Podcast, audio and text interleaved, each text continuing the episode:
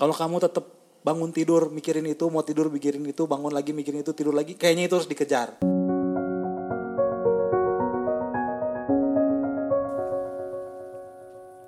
Oke, hari ini kita balik lagi di podcast 30 Days Meal Challenge episode kedua. by Alpha dan Hello. Oke, episode kedua. Semangat banget ya pasti udah dengerin yang podcast episode pertama. Semangat dong. Sekarang kita mau dengerin uh, podcast yang episode kedua. Pasti nggak kalah Hmm. serunya banget. Jadi hari ini kita kedatangan uh, satu narasumber yang luar biasa nih kok. Kayaknya bukan kedatangan sih, kita yang mendatangi. Oh kita yang mendatangi karena kita hari ini lagi ke studionya. Iya, kita lagi ke studionya. Wah, ini keren banget sih. Ya, eh, biasanya kan kita kalau misalnya eh, rekam podcast itu pakai handphone ya. Ini justru yang yang narasumber kita yang suka nge-podcast, bikin podcast sendiri. Jadi mungkin kalau para de- pendengar bisa dengerin ya bedanya dari yang episode pertama sama episode kedua. Nanti- Kualitasnya nanti, ya. iya, Mungkin nanti episode ketiga mungkin beda lagi gitu Iya, kan. ya ini kalau sekarang benar-benar proper pakai alat-alat podcast yang benar-benar siap untuk disiarkan gitu. Iya, jadi seru banget nih. Iya, ini benar-benar studio sekarang. Uh, uh, nah, jadi aku tuh mau uh, cerita sedikit tentang narasumber kita, sahabat inspiratif kita yang kedua Hmm. Sahabat kali ini. inspiratif kita. Ya. Jadi udah kenal banget nih sama, bukan kenal banget sih, udah kenal lama dari sama orang ini. Jadi Hmm. dulu pas saya SMP, pas gue SMP tuh dia tuh uh, orang yang care banget lah. care banget. Eh, gitu care ya. banget tapi bukan sebagai pacar gitu ya, tapi sebagai kakak. Keren nggak? Mm-mm. Kok bisa sih? Jadi dia yang menemukan saya ketika saya berada di kubangan-kubangan itu. Berada di kubangan-kubangan dia memungut saya ya. Memungut Akhirnya bisa menjadi seperti seperti sekarang, keren banget lah pokoknya. eh, gitu. Jadi Iya, iya, iya. eh, dia tuh or- satu, salah satu orang yang agak lumayan sulit diketemuin tahun lalu. Karena kerjaannya, maaf Len, saya lagi ke Praha. Maaf Len, saya lagi ke sini, ke situ, ke sini, ke situ. keluar negeri terus ya. Ke luar negeri terus gitu. Sampai saya nggak diajak-ajak sama dia gitu kan. Ah, iya, iya, Kan agak sebel juga ya gitu kan. Pokoknya ini seru banget lah kalau ngobrol sama orang ini tuh pikirannya terbuka banget, beda banget dari sama orang lain kalau ngobrol gitu, nggak ada ha- penghakiman gitu ya. Kayaknya tuh bukannya dihakimi tapi ditegur, jadi pribadi yang lebih baik gitu. Kayak iya, keren iya. banget lah. Udahlah nggak usah lama-lama kita langsung sambut aja nih. Kak Vincent. Halo Kak Vincent. Halo. Apa kabar? Baik, baik. Baik ya. Baik banget. Kalian apa kabar? Baik dong. Oh luar biasa. Apalagi Senang banget bisa hari ini ketemu Kak Vincent. Iya nih, ini salah satu orang yang artis, artis. Artis. Nah, ini kalau ini beneran artis ya. Iya, bukan artis-artis sinetron gitu. Iya, soalnya kalau orang Indonesia nggak bisa ngebedain artis sama seleb. Waduh. Ya. Nah, kalau ini asli artis, Ya. artinya eh, apa? Penggiat eh, seni ya. Artis sama aktris beda. Ah, Iya, betul. Aktor, nah itu beda. Mm-mm. Nah, Kak Vincent boleh nggak ceritain dikit nih backgroundnya dulu sempat kuliah apa, terus kerjanya apa aja gitu. Saya perkenalan dulu lah ya. lah Iya, boleh dong. Ya, nama Kenalan saya dulu. Vincent. Halo buat teman-teman apa nama sebutan buat pendengarnya kalian namanya apa? Belum ada. Sahabat inspiratif ya. Oke, buat sahabat inspiratif semua di luar sana yang ngedengerin uh, podcast mereka berdua ini, Helen dan Alfa. Halo, nama saya Vincent. Saya bekerja sebagai seniman. Jangan ditanya seniman apa karena banyak banyak hal yang saya lakuin, nggak cuman kayak foto, video, lukis ya itu nanti mungkin ada podcast sendiri lah untuk bicara itu karena panjang lebar.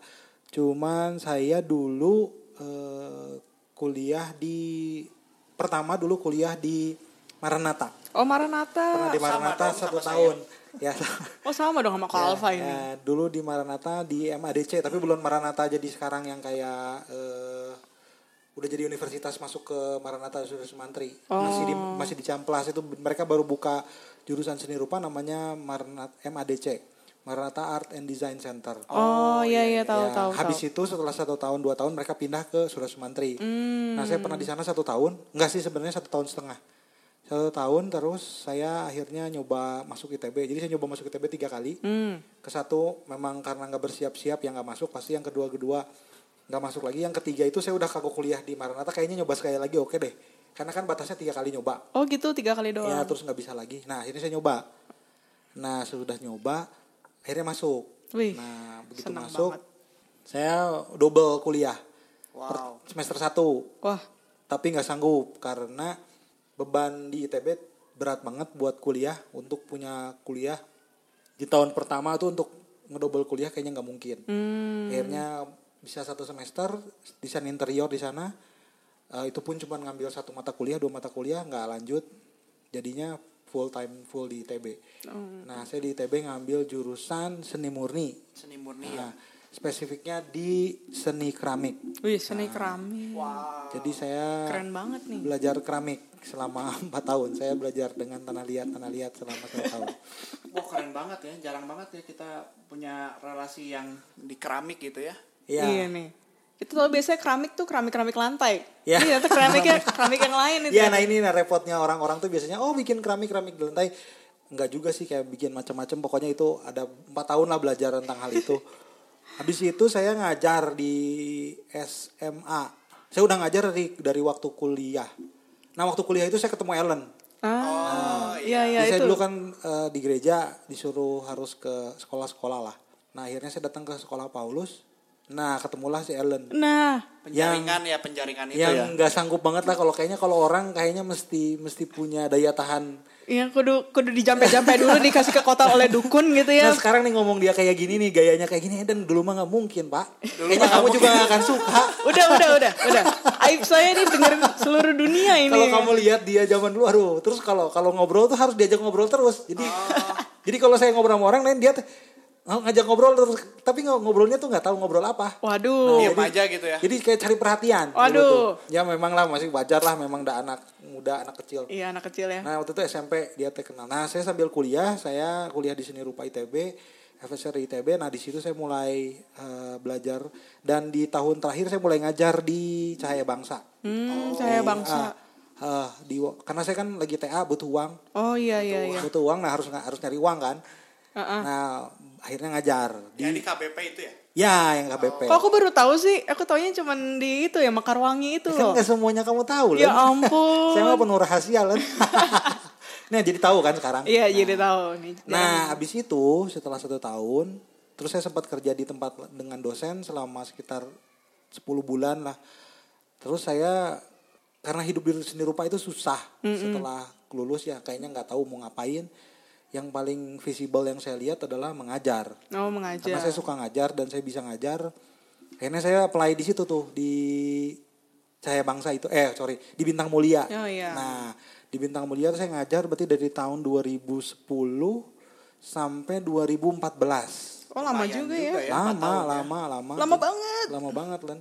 Nah jadi setelah itu baru 2014 saya akhirnya memutuskan untuk berhenti dan mengejar mimpi saya dari awal pengen jadi Iya. seniman. Cuman ya akhirnya itu cukup cukup gila juga sih mengambil keputusan itu. Tapi nggak tahu ya udah pengen banget dan kayak kalau ngomongin pendapatan waktu itu udah udah udah settle lah hitungannya dan dan gajinya juga cukup oke dan ditawarin guru full time nah itu dia waktu di saya selama empat tahun tuh ditawarin guru full time terus saya nggak mau karena saya masih pengen ngerjain yang lain sebenarnya karena memang gak suka datang ke kantor tiap hari aja Oh gitu. Jiwa senimannya keluar Ah, ya. ah. Jiwa seniman banget itu. bisa- dia, tapi untungnya sih kepala sekolahnya waktu itu ngerti karena saya deliver eh, kinerja yang baik juga di kelas untuk masalah seni rupa. Jadi dia pikir selama kamu ngelakuin pekerjaan dan sekolah dapat untungnya, kenapa juga harus bikin kamu jadi full time? Cuman kan susahnya nggak bisa disuruh-suruh ya, kayak untuk ngedekor gitu. Saya kan nggak bisa Oh, ada. iya, nah itu iya, kan sebenarnya sekolah butuh gitu juga dari seni guru seni rupa. Nah akhirnya dari tahun keempat tuh ternyata do, kepala sekolah yang adalah teman saya itu eh, dulu pernah ngajar bareng kepala sekolahnya di Bintang Mulia tuh di Cahaya Bangsa. Waktu dia pindah jadi kepala sekolah di Bintang Mulia, saya diajakin. Nah jadi kita tuh deket kenal deket tapi setelah empat tahun tuh dia pindah ke Surabaya. Nah ada kepala sekolah baru bukannya nggak cocok atau gimana, cuman ya dia pengennya saya full time. Nah saya sebelum dia, saya udah tahu dia pasti minta full time, ya saya udahan duluan aja. Saya bilang ke dia, dia kenapa nggak full time aja? Wah nggak pak, kata saya, saya mau mengejar mimpi saya aja. Nanti sekolah ini nanti susah nyari nyari guru baru. Saya bilang nggak pasti ketemu. Wis. Kata saya. Ini banget ya optimis banget ini. Iya, Mama. kata saya, gampang, nggak susah kata saya pasti pasti ketemu kok pak, kata saya terus. Saya dia bilang lagi gimana? Tuh saya jawab lagi "E, kan saya udah ngelaku udah mengejar mimpinya sekolah ini empat tahun. Saya udah mencoba mem- membantu mengejar mimpinya yayasan ini. Nah sekarang gantian saya mau mengejar mimpi saya. Jadi itu kan on off, on off discussion ya Iya, iya, iya. karena saya punya punya goal yang berbeda. Akhirnya udah aja nah, di situ eh, eh berhenti. Nah udah habis itu jadi seniman. Nah kayaknya sampai situ dulu deh Ah. untuk untuk lebih nanti baru ke sana bisa nanya lagi gimana gimana. Habis dari situ 14 sampai sekarang full time jadi seniman. Wih. Nah, mimpi yang kayak apa Kak Vincent waktu itu memutuskan untuk keluar dari ngajar dari sekolah? ngajar sebenarnya lebih ke mimpi yang independen sih. Mimpi yang karena saya lihat banyak kegiatan yang saya lakuin itu bisa bermanfaat buat orang lain dan juga bermanfaat buat saya sendiri tapi lebih senang ngerjainnya. Lebih punya keputusan sendiri Contohnya gimana tuh? Jadi tuh? kayak waktu saya yang ngatur semua saya yang ngatur terus saya memang sudah punya ide beberapa yang pengen saya kerjain cuman nggak bisa karena perbatasan dari sekolah dan saya menemukan bahwa saya itu nggak bisa ngerjain dua hal bersama-sama Mm-mm. jadi ngerjain ngajar sama berkarya nggak bisa Oh jadi bisanya pilih salah satu ya? Ah, jadi akhirnya karena mungkin ngajar juga bukan bukan bukan saya pengen banget jadi nggak saya cuman pengen itu mah cuman buat bertahan hidup sih intinya. Kalau kenapa saya ngajar selain saya suka. Nah cuman saya terus habis itu ke wah ini nggak bisa nih. Terus kan umur terus berjalan ya. Saya pikir kayaknya oke nih kayaknya nyoba. Dan saat itu tuh seni rupa lagi nggak lagi nggak marak gitu. Iya, pameran iya, iya. lagi nggak banyak. Cuman nggak tahu memang pengen aja karena memang kan sebenarnya indikatornya sederhana sih. Kalau kamu tetap bangun tidur mikirin itu mau tidur mikirin itu bangun lagi mikirin itu tidur lagi kayaknya itu harus dikejar Wah, kayak cinta itu kayak ya, cinta. Iya, iya. cinta. Nah, nah, jadi seniman tuh kayak pengen bikin, aduh, bangun tidur tuh bukan pengen ke sekolah, bukan pengen ngajar. Oh. Nah, itu kan udah bahaya ya. Saya kan akan menurun ya kinerja di kelas, bener nggak? Iya. Nanti efeknya ke murid, bener nggak? Oh, saya harusnya bisa deliver maksimal. Mereka kan bayar ke kampus ya ke sekolah. Nah, saya bilang ke sekolah sih sebenarnya itu juga salah satunya. Kayaknya kalau saya terusin di sini, saya nggak akan fokus dan yang kasihan murid-muridnya. Saya nggak mau mengorbankan murid-muridnya karena mereka kan datang bayar ya. Mereka mengharapkan saya semangat dengan ngasih sesuatu, taunya saya lagi bete atau lagi nggak semangat. Mm-mm. Jadinya kan ya itu sebenarnya jadi kayak gitu. Akhirnya saya bilang enggak deh. Nah sebenarnya itu sih mimpi macam apa dulu mah cuman sebatas itu aja. Nggak pernah mikir kali sampai sampai kayak sekarang gini. Mana mikir. Cuman cuman saya tahu itu yang mesti dikejar aja. Heeh. Jadi keren banget tadi bilangnya yang terpikirkan ketika mau tidur dan bangun tidur itu yang harus dikejar gitu. Iya, keren nah, banget. ngomong-ngomong nih Kak Vincent nih sebagai seorang seniman, Aha. bermanfaat jadi ba- bagi banyak orang tuh kayak apa sih emang? Iya, kalau sebagai seorang seniman tuh gimana Kak Vincent? sebenarnya bukan bukan dari karyanya, bukan dari physically karyanya bikin video, bikin foto atau pamerannya sih sebenarnya mah. Sama kayak uh, s- di luar di luar di luar profesi sih itu sebenarnya nggak bisa ngomongin seniman, dokter atau apa.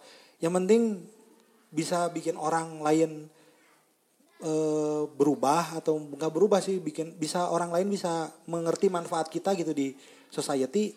Kayaknya itu mah buat semua orang ya. Buat saya mungkin nggak akan nggak ada hubungannya sama nggak ada hubungannya sama profesi.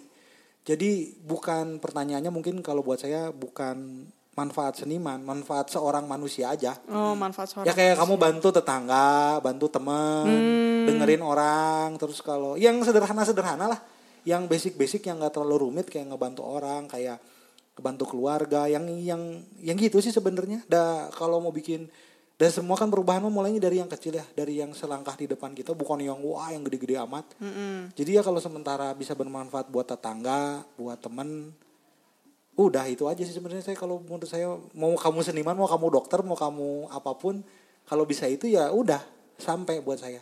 Paling penting pokoknya bisa bermanfaat bagi banyak orang di profesi apa pun gitu iya, ya. manfaatnya bisa macam bisa sesederhana tetangga kamu merasakan kehadiran kamu lebih baik kayak misalnya nyapa, nah kan itu kan bermanfaat. Dibanding kamu ngelewas gitu, si Ellen nggak dibahas, nggak diba- nggak di nggak di nggak ditanya gitu. Iya, iya. kan beda iya, cerita iya. ya sama halo Len selamat pagi cuman gitu doang ya sekali kayak kayak gitu. Itu kan sebenarnya eh, hal-hal gestur kecil kalau saya Hmm. bilang. Yang penting yang kadang orang lupa. Ah, keren banget nih. Nah, Kak Vincent boleh nggak cerita nih kira- kira-kira nih? Kan mungkin banyak orang nggak kebayang kalau jadi seniman tuh jatuh bangunnya kayak apa sih?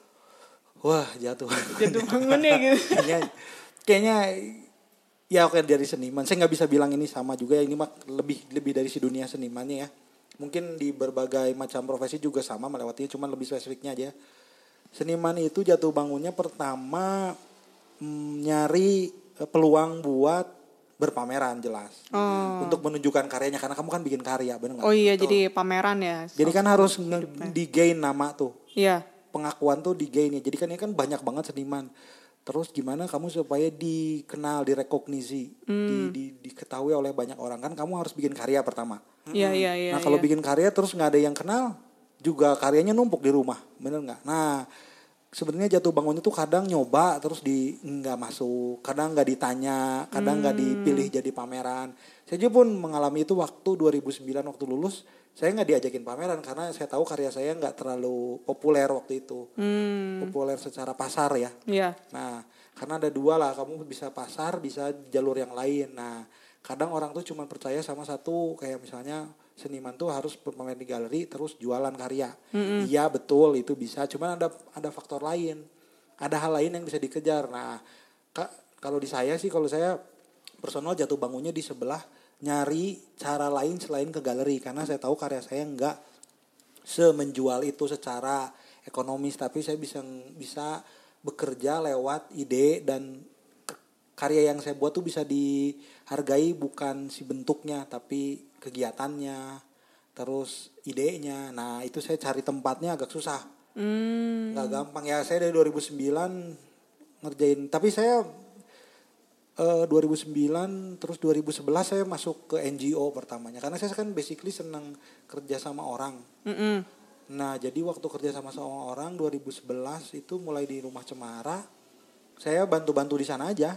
Nggak ada seni rupa seni rupanya. Oh, Paling ada. foto, video gitu doang, tapi yang nggak gimana-gimana. Cuman itu itu ternyata memuaskan juga buat saya. Jadi oh ini kayaknya oke juga nih ngerjain gini. Nah, cuman setelah setelah lulus, setelah sorry setelah kerja 4 tahun itu kayaknya pengen ngerjain sesuatu sesuai dengan yang saya suka adalah bekerja dengan orang. Nah, waktu itu karya-karya yang bekerja bersama komunitas, bekerja sama orang-orang tuh nggak in. Hmm, yang nggak banyak ya akhirnya hitungannya nggak tahu jatuh nggak tahu nggak cuman saya jual motor saya.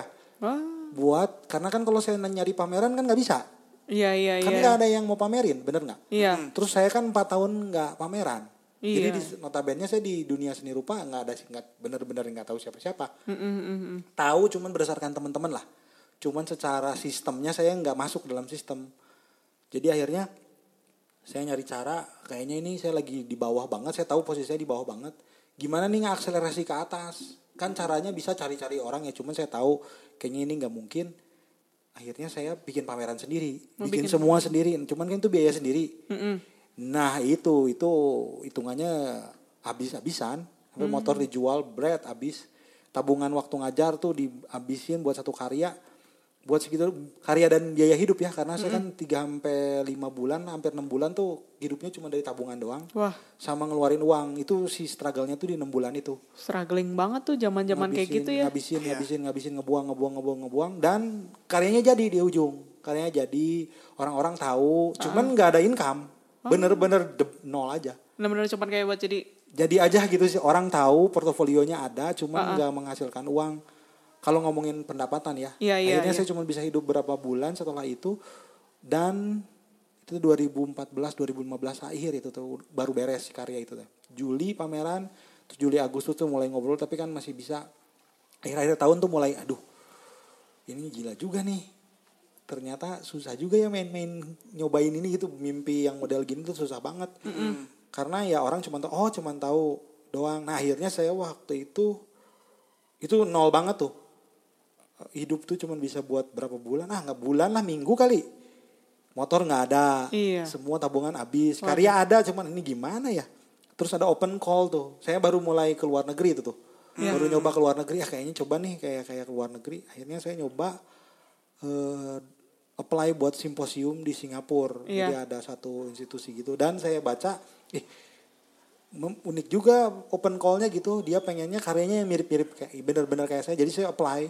Eh taunya diterima. Wow. jadi itu udah kayak udah cek mau mati eh hidup lagi gitu dikit. karena kan pergi ke sana terus dapat dapat duit dapat. Karena kan kamu harus harus simposium. Jadi speakers kan speakers kan orang tuh datang tuh ini uniknya nggak tahu sih saya nggak bisa nyalahin tempat ya cuman kalau uniknya di Singapura dan negara-negara maju tuh sebenarnya mereka tuh punya ruangan-ruangan yang mengapresiasi kayak kayak gini. Ah, dan orang datang tuh bayar 250 dolar itu tiga hari. nggak murah loh itu. Iya di Singapura kan banyak museum-museum seni Iya, gitu ya. nah itu tuh saya kaget begitu saya lihat.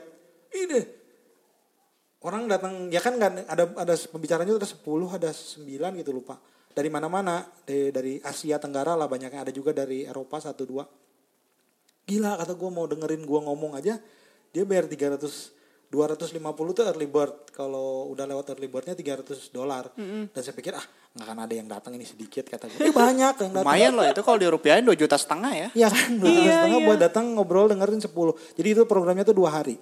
Satu hari kita presentasi, satu hari workshop dipecah gitu. Jadi mereka bisa datang ke kelas-kelas yang kita pimpin. Nah Iya, itu iya. tuh sebenarnya dan yang datang juga memang banyak banget. Ada dari Esplanade datang, dari mana datang untuk dengerin. Wah gila, mahasiswa banyak. Ya udah dari situ mulai mulai kebuka tuh. Ih ternyata ada ada dunianya yang gini ya. Ada peluangnya ya. Ya kalau kalau di Indonesia nggak ada ya berarti kan saya memang percaya dari dulu kalau kamu nggak diterima di sini di tempat lain pasti ada gitu. Dan Wah. dunia tuh nggak sekecil Indonesia doang. Indonesia doang Iya, pastilah iya, nggak iya. mungkin nggak ada yang nggak suka gitu. Iya, iya, Dan nggak iya. ada yang nggak tertarik gitu aja yang yang yang saya yang saya pegang sih itu jatuh bangunnya sebenarnya itu sih dari bawah naik ke atas bawah lagi gitu. Baru sampai sekarang akhirnya. Gitu. Hmm. Jadi sebenarnya kalau poin jatuh bangunnya dari situ cuman masalah cari peluang sih yang susahnya. Cari peluang. Ya kalau uang mah rezeki mah pasti ada ya. Berarti itu yang waktu awal ke Singapura itu itu yang membukakan akhirnya Kak Vincent eh, sering banget kan Iya, keliling-keliling ke Eropa ke mana itu awalnya dari Singapura itu. awalnya mungkin itu awalnya saya lihat ada peluang. Nah akhirnya habis itu saya sering apply. Oh gitu. Ah, jadi karena saya pikir tuh saya ketemu website-website yang memang menawarkan peluang-peluang berkarya di luar negeri lewat program residensi, namanya residensi. Mm-mm. Akhirnya ya saya coba ngeplay ngeplay, nggak langsung dapat juga di saya tuh kalau dihitung dari umur dari tahun 2013 lah ya, eh 2014 sampai 2017 ya. Saya baru keterima lagi lagi itu. Jadi 2000 2015 setelah balik ke Singapura tuh saya diajakin pameran. Nah, mulai di, Ban- di Bandung diajakin pameran. Mulai dikenal ya. Ya mulai karena kamu di luar negeri terus jadi dikenal nah itu kan agak agak males ya. Iya. Tapi gimana juga sistem sistem di sini kan seperti itu ya. Iya iya. Mulai diajakin pameran terus berapa kali diajakin pameran. Jadi punya punya punya punya napas tuh. Sama saya punya proyekan-proyekan kecil lah kayak motret wedding kayak gitu lah. Oh, Dulu kan iya, sempat. Nah, akhirnya bisa hidup bisa hidup dari 2014 sampai 2017 itu proposal yang saya tulis tuh 60 biji. Wah banyak juga. Yang keterima satu, dua yang keterima. Mm-mm. Jadi dari 60 yang keterima dua. Wah. Yang ditolak 58. 58. saya bisa aja bisa aja berhenti di 5 gitu. Jadi saya kalau kalau ada orang yang nanya udah di- ditolak terus proposal saya tanya itu udah berapa kali? Wah, baru baru 5 kali ya dan saya 60 kali kali. Wow. 60 saya tiap tiap ada open call saya kirimin kirimin nulis gitu. Wah, pas saya baca sekarang saya masih kumpulin kok beberapa ya karena nggak semua saya save. Iya. Dari saya kumpulin yang failnya saya kumpulin. Wah. Jadi saya tahu saya pernah ke Jadi terbiasa akan penolakan ya Kak Vincent. ya? Oh iya iyalah. Itu mah salah satu hal yang paling bikin orang kuat kali. Wih, penolakan-penolakan ternyata tuh Bagus. jangan dianggap eh, sesuatu ke, suatu kegagalan ya. Betul. Karena Iya. pernah tuh aku dengar satu eh, seminar bilang, Aha. Sebetulnya ketika kita ngalamin suatu kegagalan bukan kita yang gagal, tapi cuman keadaannya kitanya yang bertumbuh katanya. Iya, Iya, iya, kitanya iya. bertumbuh. Iya ya. Keren banget itu ya. Karena kalau kamu lihat ya kalau makanya saya kan catat tuh semua bukan saya simpan kan filenya.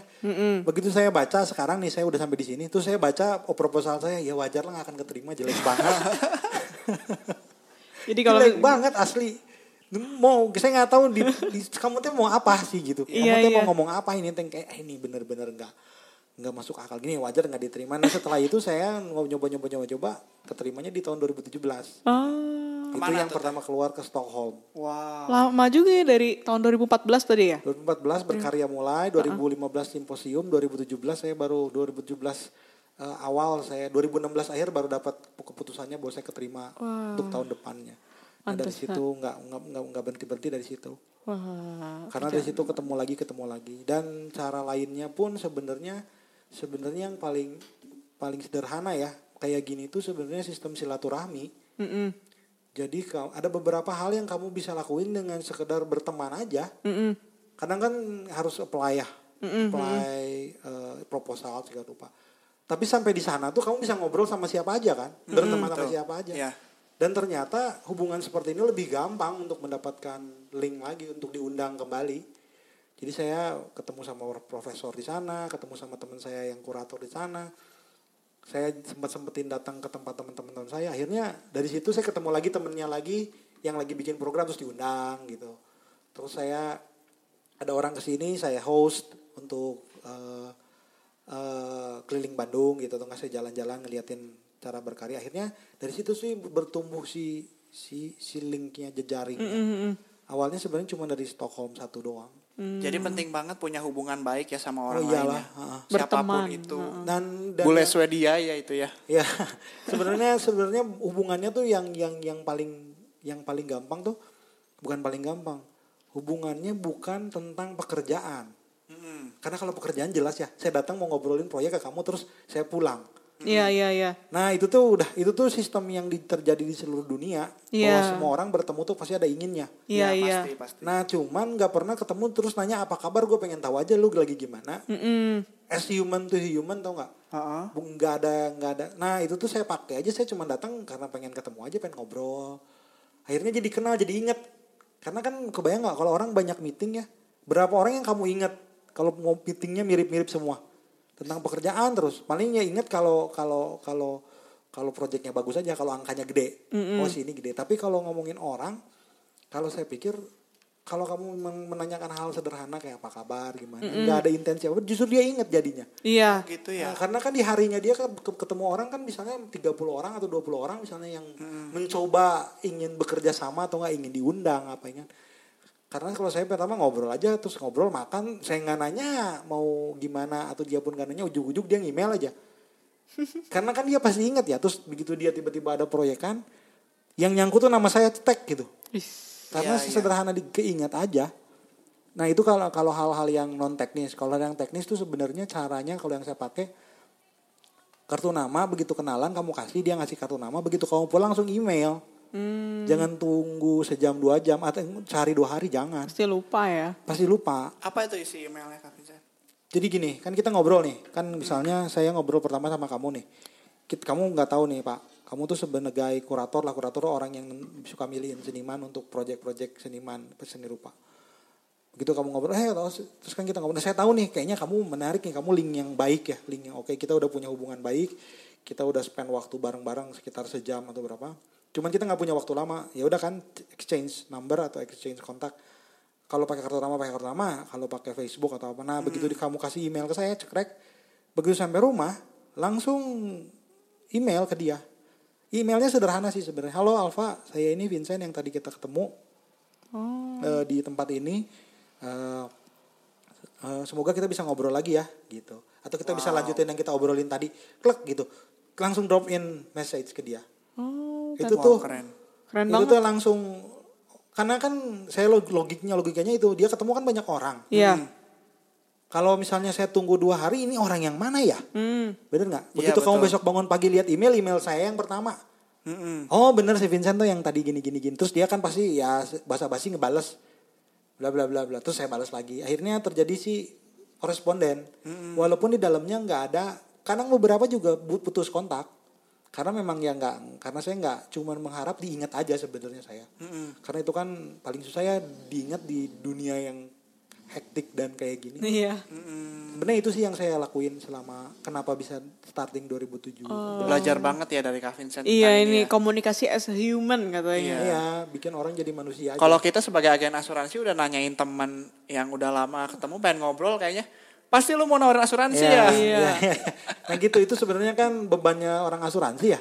Iya. Itu itu tuh sebenarnya eh, stereotipnya di teman-teman gue ya. Kalau ditelepon sama teman lama pasti dia yang nanyain LMM, MLM, MLM kalau nggak asuransi. sebenarnya si, si produknya oke. Iya. Cuman kadang orang itu tidak saling bertemu sebagai manusia. Iya iya betul. Oh, dan gitu. terlalu karena kan ini nggak bisa disalahin karena sistem yang kalian pakai adalah sistem menurut berapa orang yang kalian bisa dapatkan per sebulan. Itu kan sistem si perusahaannya. Nah di mana mana juga sistem perusahaan ini nggak cuma di asuransi di kantor biasa pun kayak gitu. Ini merubah sikap orang jadi project minded. Hmm. nah di sinilah human to human relation jadi hilang. Nah, karena diulang berapa kali sama agen-agen asuransi, akhirnya jadilah stereotyping. Mm-mm. Nah, akhirnya itu yang membuat kita langsung ah ini kayaknya mau ngajakin ini. Sebenarnya mungkin kamu cuma pengen ngobrol, mungkin Iya, ya iya, niatannya karena kan nggak bisa dipukul rata ya semua niatan agen asuransi. Cuman pertama kamu punya pemikiran kamu harus menawarkan ini.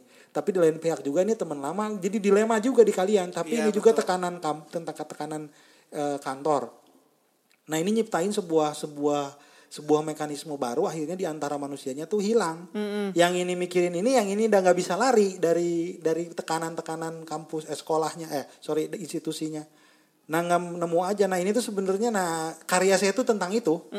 Tentang gimana saya orang tuh bertemu manusia dengan manusia aja. Wah keren banget. Nggak usah bawa. Nah kalau ke sananya nanti kamu mau nawarin asuransi kayak terakhir-terakhir.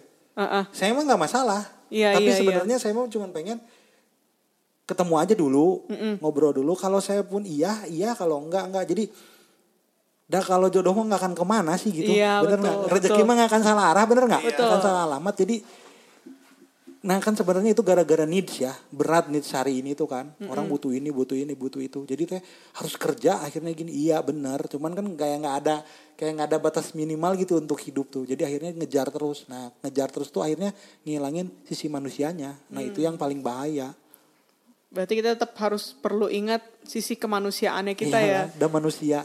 Cuman kayak kita cuman ngomong apa kabar, ngobrol tentang kerjaan kayak sekarang ini kan. Iya, Makanya iya, kenapa iya. ada challenge ini dari kantor ya supaya kita nggak mikirinnya jualan terus, Iya, iya, kerjaan iya, iya. terus gitu. Tapi kita bisa belajar dari orang-orang sekitar kita juga Iya gitu benar. loh. Nah, Benar. Kak Vincent kan udah mungkin ber- beberapa lama di Stockholm ya di Swedia ya. Iya. Itu berapa lama waktu itu? Itu tuh tiga dua bulan setengah. Dua bulan terus setengah. kedua kali balik lagi sebulan. Nah, apa yang membedakan eh, budaya di Indonesia sama di Stockholm gitu, di Swedia? Stockholm itu lebih lebih rigid, lebih project minded, Lebih project minded. lebih project minded. Mereka kan punya kayak IKEA apa ya? Ya IKEA tuh tempat kayak di sini tempat paling nggak bagus lah. Eh, mau produk paling cepet rusak Mm. di IKEA IKEA tuh. Terus Oh aslinya di sana kayak gitu? Oh iyalah. Oh, Te- itu tempat tempat tem- tempat furniture paling cepet rusak. Itu kalau kamu kamu kamu baru pindah ke Stockholm terus kamu nggak punya banyak uang, kamu beli di IKEA. Di sini mah jadi Iya. barang mewah malah. Jadi ada IKEA namanya IKEA eh, mothership. Itu IKEA paling gede. Oh. Wah gila kasasab kamu di dalam mah. gede banget. Kudu pakai GPS kayaknya di Nah, sana iya, juga. Dan, dan dan itu tuh keren banget kan, udah dari jadi dibikin rute. Nah di dalamnya, nah terus makanan paling murah tuh di IKEA. Kalau di di Stockholm, Swedish meatball. ya? Swedish meatball itu makanan paling murah. Jadi kalau kita mau makan murah itu ke IKEA, makanya Swedish meatball. Nah di dalam si IKEA-nya sendiri restorannya dibagi dua, ada yang mahal, ada yang murah. Oh gitu. Beda tempat duduk, beda beda beda ini, beda beda beda beda, beda menu dan beda segala-gala lah. Nah kalau kalau Stockholm itu lebih project minded, terus lebih orangnya nggak saling menyapa. Oh. Oh. Jadi lu lu gue gue gitu. Ya itu kan karena mereka kan bangsanya self sufficient mereka. Jadi diharapkan setiap warga negaranya itu bisa memenuhi kebutuhannya sendiri Oh. di luar apa yang setelah telah dijaminkan oleh pemerintah. Jadi ya gue mah nggak butuh kan itu kebayang ya sistem itu dibuat kamu bisa me- kamu bisa hidup sendiri bisa makan. Kamu bisa pergi ke mana? Kamu bisa transport bisa ber- berpindah dari satu titik ke titik lain tanpa bantuan orang lain. Nah akhirnya kan itu bikin jadi karakter orangnya pertama di North. North itu dingin banget. Negara-negara itu dingin banget. Jadi kebiasaan orang tuh di rumah dalam rumah. Oh. Dan mereka tuh punya winter pal salah satu yang paling dark lah. Karena di kalau menurut di utara tuh kan kalau winter tuh 24 jam gelapnya. Wow. Kalau 24 jam gelap kan akhirnya kamu mod modnya tuh mod mod beda ya. Pengen tidur. Malamnya, terus dark gitu keluar tuh gelap nggak kena kena kena matahari akhirnya jadi diem jadi menyendiri di sana tuh terus angka bunuh diri juga cukup tinggi Oh gitu. Serem Ah, juga ya. karena kan si society-nya semakin semakin renggang Mm-mm. kan manusia mah mau mau di mana pun butuh ngobrol ya Iya. tah eta akhirnya karena bu, karena butuh ngobrol mereka jadi nggak bisa waktu mereka mau ngobrol nggak ada. Nah kejadiannya tuh banyak di Natal bunuh diri tuh. Karena kan itu momennya kota kosong pindah pada pulang kampung. Oh. yang punya keluarga kan pulang kampungnya yang sendiri. Nah karena gelap gelap itu kan deket sama depresi. Nah kamu merasa sendiri nggak punya teman misalnya ada masalah sedikit di depres depres depres depres bunuh diri. Wah. Serem kalau juga. ya, ya sebenarnya lebih enak Indonesia jauh kalau masalah masalah hubungan manusia ya untuk memenuhi kebutuhan kita sebagai manusia dalam hal komunikasi dan saling nyapa gitu. Ya di sini lebih lebih enak di sana tuh cuman ternyata yang ini yang menarik kalau di rumahnya baik beda eh. Oh gitu? Beda Iya, gimana beda. tuh? itu tuh cuma di ruang publik doang, kayak di jalan, di dalam tube, di dalam eh, ya tube, tube tahu kan tube kereta itu dari terus cuma di situ aja semua mak saling diem. Pakai handphone itu kejadian di mana-mana sih. Jakarta sekarang udah kayak gitu juga. Nah mereka tuh cuma di situ, cuman udah aja diam sendiri, cek cek pindah sendiri gitu, nggak nggak aman. Cuman begitu saya diundang ke rumah mak- makan itu ke rumahnya, ke salah- ada dua kali saya tiga kali makan di sana. Di rumah ya, beda orangnya. Hangat gitu. Hangat banget. Ternyata mereka memang karena kebiasaan secara kultur makan di rumah, karena kan kalau lagi musim dingin nggak bisa ke mana-mana. Iya iya iya. iya. Nah, si lingkaran keluarga paling kecilnya tuh itu yang paling mereka keep. Nah, jadi mereka kalau di pas begitu ke meja makan, oh, orang-orang ya kayak di sini aja normal makan, ketawa-ketawa. Cuman memang kalau ke orang lain ya memang itu mah budaya ya sejarah apa budaya sih iklim main main main main, peran di situ buat bikin jadi mereka yang kayak gitu. Jadi yang kita lihat mah sebenarnya luarnya aja, tapi memang sulit untuk masuk ke lingkaran rumah mak di, di- diajak makan tuh agak susah di sana. Harus yang deket, harus percaya banget. Karena mereka sangat bener-bener ngelindungi si circle itu. Iya, iya. Gitu. Oke. Kan jadi kan tadi kan udah dengar tuh kayak misalnya tadi ngomongin budaya di sana, terus kayak eh, sosialisasi di sana. Kira-kira nih setelah berkeliling-keliling dunia, ada nggak sih hal yang bis- yang sekarang tuh membuat Kak Vincent tuh jadi berubah gitu eh, pola pikirnya gitu. So, mungkin kan orang kan Oke. kalau yang stay di sini terus di Ah, dalam negeri terus sama yang suka keluar negeri ke sana Ya. sini kan pasti agak beda gitu Ya. kan. Apa yang berubah semua orang sama. Dulu kan selalu mikir kayak orang barat tuh hebat ya. Mm-mm.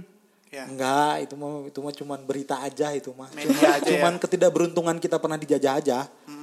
Sebenarnya mereka sama aja yang bego banyak, yang ngaco banyak, yang baik banyak Uh-uh. dan sistem yang dipakai mirip-mirip. Oh gitu. ternyata. Jadi contoh aja ya. Kalau di Polandia nih di Polandia. Polandia tuh kan semua terbalik dari sini. Benderanya terbalik.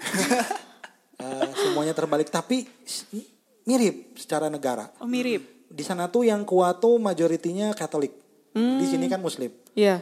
Mode yang dipakai sama. Gitu. Jadi kalau di sini kalau di sana tuh tiba-tiba lihat tembok kayak ada lumutnya, terus tiba-tiba ada muka Bunda Maria kelihatan. Terus di langit ada apa muka Yesus gitu. Langsung diliput gitu. Diliput. Terus jadi orang-orang merasa semua merasa dekat dengan Tuhan dan merasa harus gini. Di sini juga kan kejadian sama kan? Iya. Oh, iya, Cuman iya, suka iya. ngelihat lafal apa di di, di ikan gitu. Iya, iya, iya. Kan saya suka nggak masuk akal ya. Dulu saya mikir oh ini mah memang mungkin keajaiban alam. Begitu saya di Polandia dan sama pisan kata gue tuh. Terus pemerintahnya di sana cenderung ke arah Katolik. Mm-mm. Yang enggak enggak juga ininya, apanya eh polisinya. Ah, ah. Jadi sebenarnya pola-polanya mah mirip. Buk. Jadi sebenarnya bukan masalah si agamanya, memang memang kontrolnya akhirnya yang dipakai untuk untuk un- untuk bikin eh, penguasaan gini kan supaya dikuasai. Kalau yang saya lihat sih sebenarnya itu yang banyak berubah dan sem- semua orang tuh sama. Semua bangsa itu punya masalah masing-masing. Mm-mm. nggak ada yang lebih baik nggak ada yang lebih jelek semua punya baik dan buruk itu yang jadi pikir jadi ah eh, ini mah cuma di sini doang nggak bisa kan suka bilang di Indonesia mah gini gitu ya lu aja mikirnya kali di sini. Di sana juga banyak Mainnya kali. kurang yang- jauh berarti Eh, ya. kurang jauh. Itu banyak yang bego. Banyak kata gue teh. Yang bego juga banyak. Emang cuman cuman cuman di Indonesia doang enggak. Enggak cuman gitu. Jadi jadi lebih berpikiran bahwa Indonesia tuh enggak enggak parah-parah amat. Kalau buat saya dan masih ada harapan masih des- mau lari ke mana sekarang? Kalau katakanlah paling negara paling baik apa? Coba sebut. Nggak ada yang aman. Amerika oh nggak mungkin. Sekarang eh, Australia udah ngaco pisan dengan prime minister yang barunya. Eropa uh nggak nggak ada benar. Sekarang kalau Northern sekalipun Swedia Denmark kanannya lagi naik juga. Mm-mm. Eh, konservatifnya lagi kanan naik naik juga. Mm. nggak ada yang safe sekarang kalau mau ke mana-mana sih sebenarnya semua punya masalah masing-masing Hmm, tetap ada baik dan buruknya Iya, ya. Safe di rumah sendiri lah ya. Iya. ya mendingan di sini aja bener nggak Iya. Tergantung sudut pandang kita Iya. juga ternyata gitu makan ya. enak teman ada matahari ada terus nah mendingan di sini jauh di, se- di se- sebelah gunung lagi ini adem banget di sini. gitu kalau kan itu sih yang berubah dari pemikiran saya Oke. Mungkin uh, mau nambahin apa? apa nggak Mungkin kalau value dalam hidup Kak Vincent yang sampai sekarang dari dulu sampai sekarang dipegang apa kira-kira? apa ya value nya pertama mah jujur Jujur. itu mah standar ya Mm-mm. Nah, yang kedua mah sebenarnya ini lakuin yang orang lain nggak kerjain Nah itu Aku juga pernah denger tuh yang kayak gitu. Katanya kalau misalnya lu pengen kaya ya dalam tanda kutip pengen kaya, lu lakuin yang orang lain nggak Iya. mau lakuin. Itu yang saya kerjain kan waktu Iya. dengan proposal-proposal 60 itu. Zaman itu kan nggak ada yang mau, sedikit lah kali yang nulis 60 kali. Iya iya iya. kan iya. malas itu, Pak. Itu kan kerjaan yang bukan menggambar tau nggak? Kalau menggambar kan jelas ya. Iya. Saya belajar menggambar, terus saya menjadi menggambar, gampang Iya, kan iya. ngertinya ya. Tapi ini setelah saya mau belajar menggambar, bikin keramik, terus saya harus ngetik. Nah itu kan sebenarnya jadi repot juga ya. Cuman saya pikir gini, ini mah sederhana sih. Kalau misalnya ada open call nih, katakanlah buat seniman Indonesia, Mm-mm. katakanlah khusus Bandung ya, ini katakanlah, terus disuruh eh, apa op- open callnya akan satu seniman akan diundang ke Amerika, katakan. Saya bisa yakin waktu itu yang ngerjain cuman sedikit orang, karena males ngetik, ngumpulin portofolio, dijadiin Iya. PDF, terus harus empat lah minimal kan, artis statement, proposal, eh, portofolio sama eh, letter of interest. Empat itu harus dikumpulin atau nggak biografi lima lima lah minimal. Apalagi buat Ditaruh- saya buat seniman itu menyiksa oh, sekali ya kayaknya. pisan itu. Wih. Bukan kerjaan seniman banget itu. Iya, cuman saya kerjain aja karena saya pikir kalau katakanlah kita berempat ya di ruangan ini sama ada si Ari di sana. Ada open call. Saya tahu karakter yang lain. Kamu pasti nggak mau. Kamu pasti nggak mau. Pasti kamu si Ari nggak mau. Saya pun pasti nggak mau. Kalau secara karakter ya. Iya. Kedua, kamu ngerjain. Pertama untuk untuk ngumpulin portofolio pasti hoream. Iya. Ngumpulin per tahun. Oke, ada dua. Terus kita bilang waktu dikasih open call-nya semua bilang, "Oh iya semangat, kita mau nge-apply." Mm-mm. pasti ditunda-tunda. Kalau deadline-nya sebulan lagi, kamu pasti ah nanti aja, nanti aja, nanti aja, nanti aja, Iya, sampai iya, udah iya, mau iya. dekat. Saya pikir gini, dan kalau udah dekat kemungkinan nggak nggak ngerjainnya pasti tinggi, Tinggi karena banget. kamu punya pekerjaan lain, benar Iya. nggak? Iya, iya, iya. Nah saya udah punya punya option punya punya kayak filter filter ini kayaknya dari empatan yang paling sampai bakal ngirim cuman satu. Dan kalau saya jadi satu-satunya itu kan jadi ke- Keterima. keterima benar Iya, iya, benar, peluangnya. Terus kan sebenarnya informasi mah semua tahu. Kamu dapat pengumumannya semua. Mm-mm. Cuman saya ngelihat karakternya dan aja saya pikir oh kayaknya saya mesti ngerjain yang ini yang orang nggak mau. Hmm. Males kan itu orang ngerjain males ya. Beruntung aja karena tapi saya udah ngerjain sering. Jadi saya udah punya semuanya. Udah semua, udah saya udah punya semuanya. Jadi tinggal kopi kopi kopi kopi tinggal rubah-rubah rubah doang. Jadi nggak terlalu sulit. Sebenarnya itu sih kalau value yang paling yang sesuai dengan pekerjaan saya kan banyak value-value lain mah ya. Cuman yang paling majik kerjain yang orang lain nggak mau. Mantap. Oh, jadi tadi ada Keren dua banget, ya. keren banget. Jujur San ngerjain apa yang orang lain nggak mau Iya, kerjain. hmm, Wih, iya. Keren banget. Kayak kita jadi agen asuransi juga orang banyak yang nggak mau. kan? iya. iya, mungkin banyak yang mau tapi cuman mikirnya ya sampingan Cuan aja doang. lah, cuan aja Ya, deh ya. gitu kan. Nah itu itu itu kayak gitu. Iya keren banget. Apalagi apalagi. Nah tadi kan udah nanya nih value-nya apa. Nah kira-kira nih untuk kayak goals-nya sekarang. Boleh minta ya ini ya? Iya, Boleh. boleh. Minta minum Pen- boleh. Pertanyaan terakhir deh Kak Vincent karena ini udah lumayan agak panjang. Kalau sebagai seniman nih Kak Vincent, eh, titik terjauh seorang seniman yang bisa dicapai itu apa sih? Apakah punya exhibition sendiri atau punya Ya. museum sendiri atau apa? Kalau gitu? logiknya kayak gitu sih. Kalau normalnya kayak gitu. Cuman Kalau buat pribadi Kak Kalau Vincent, goals pribadi, personal. goals personalnya saya pengen punya sekolah kalau saya. Pengen punya sekolah. Pengen universitas, enggak universitas, saya pengen punya sekolah seni aja. Sekolah tapi buat semua orang. Enggak. Ada tapi bisa buat yang nggak background seni, bisa yang buat seneng-seneng doang gitu. Dan kayaknya saya lebih pengen punya itu deh daripada pengen punya galeri atau museum sendiri. Dan goalnya itu internasional sekolahnya. Wow. Jadi punya linknya. tapi link di di Bandung.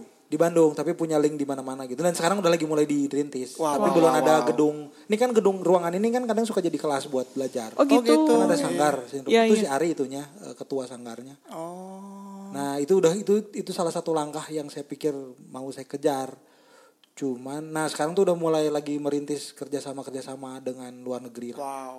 Keren banget nih pasti Ah. kalau terrealisasi. ya mungkin 5 atau 10 tahun lagi lah kita lihat Wah, ditunggu nih. karena lebih cepet ya sekarang Ah. Apakah karena goals pengen jadi manfaat untuk banyak orang itu? Kah? Kayaknya itu deh, karena yang paling gampang kan orang edukasi ya. Oh. Kalau dari sebenarnya bukan orang jadi bisa bikin seni rupa sebenarnya. Sebenarnya orang bisa berubah banyak dari ngobrol-ngobrol gini. Karena kan lewat seni rupa kamu bikin karya nih. Kita ngobrol dulu misalnya, oh saya ternyata begini gini kan harus cerita tentang dirinya. Ya mungkin karyanya nggak jadi tapi dia punya pemahaman tentang dirinya ya itu kan udah cukup nah goalnya goalnya tuh sebenarnya itu sekolahnya yang nggak ditawarin sama sekolah pada umumnya karena kan sekolah yang diumumkan harus masuk ngerjain tugas ujian lulus IP 4 masuk kantor gitu kan Iya iya iya. nah saya nggak menawarkan option lain bahwa ada hal-hal lain yang kayak kayak hidup saya aja gitu Ih, Kalau keren personal kayaknya sekolah deh banget. itu Hmm. Keren banget nih. Jadi eh, tadi udah udah belajar banyak, banyak banget nih. Terus aku jadi petik ada tiga poin yang dari Kak Vincent. Yang pertama apa? Yang pertama melihat peluang. Melihat Jadi eh, dalam kehidupan kita tuh banyak peluang gitu. Bukan jangan jangan sampai kita kelewatan peluang itu. Yang kedua? Berteman dengan siapa aja. Jadi eh, jangan cuman kayak misalnya kita ketemu orang tuh cuman oh iya mau prospek atau enggak mau Hubungan penting ya. atau enggak cuman mau hubungan bisnis Menjadi tapi manusia. Iya, menjadi manusia punya hubungan tuh as human gitu. Cuman kayak tadi kan simple ya, cuman apa kabar saya namanya misalnya saya Helen, tadi ketemu. Semoga nanti bisa ngobrol lagi ya atau nggak makan siang bareng gitu kan. Yang ketiga, ya tadi sih komunikasi as human sih. Udah situ doang. Berarti dua, tuhnya dua. oke Len Keren banget Canggih, ini. Ya, thank you banget Kak Vincent Sama-sama. waktunya. Iya sih paling gitu aja. Terima kasih banyak Kak Vincent. Ya semoga goalsnya segera Amin, bisa amin, tercapai Kak amin. Vincent. Amin, nanti Ditunggu dikabarin. 5 sampai 10 tahun lagi. Iya nih, eh, Kak Vincent juga sebenarnya punya podcast. Namanya apa sih? Siapa kelas tahu ntar pen- malam Kelas ntar malam. Eh, cuman kalian mesti siap dengernya karena itu explicit content. Jadi kalian Konten dewasa. konten dewasa kadang cuman karena prinsipnya tuh urusan moral urusan masing-masing. Kalau kalian harus cukup cerdas untuk melihat eh, informasi dalamnya. Jadi kalau enggak kalian pasti akan edan kaget. Ya cuman banyak informasi dalamnya, cuman ya banyak ketawa-ketawa, ya nikmatin aja lah. Iya, Oke, oke. ya gitu. Ya udah segitu dulu podcast dari kami berdua yang dan episode Kak kedua, Vincent. Heeh, Di episode, kedua, ini sampai sini aja. Nanti kita bakalan ada postingan berikutnya. Ditunggu aja ya ditunggu aja. dengan Oke. sahabat-sahabat inspiratif kita yang berikutnya. Oke, sampai jumpa lagi. Bye. Bye bye.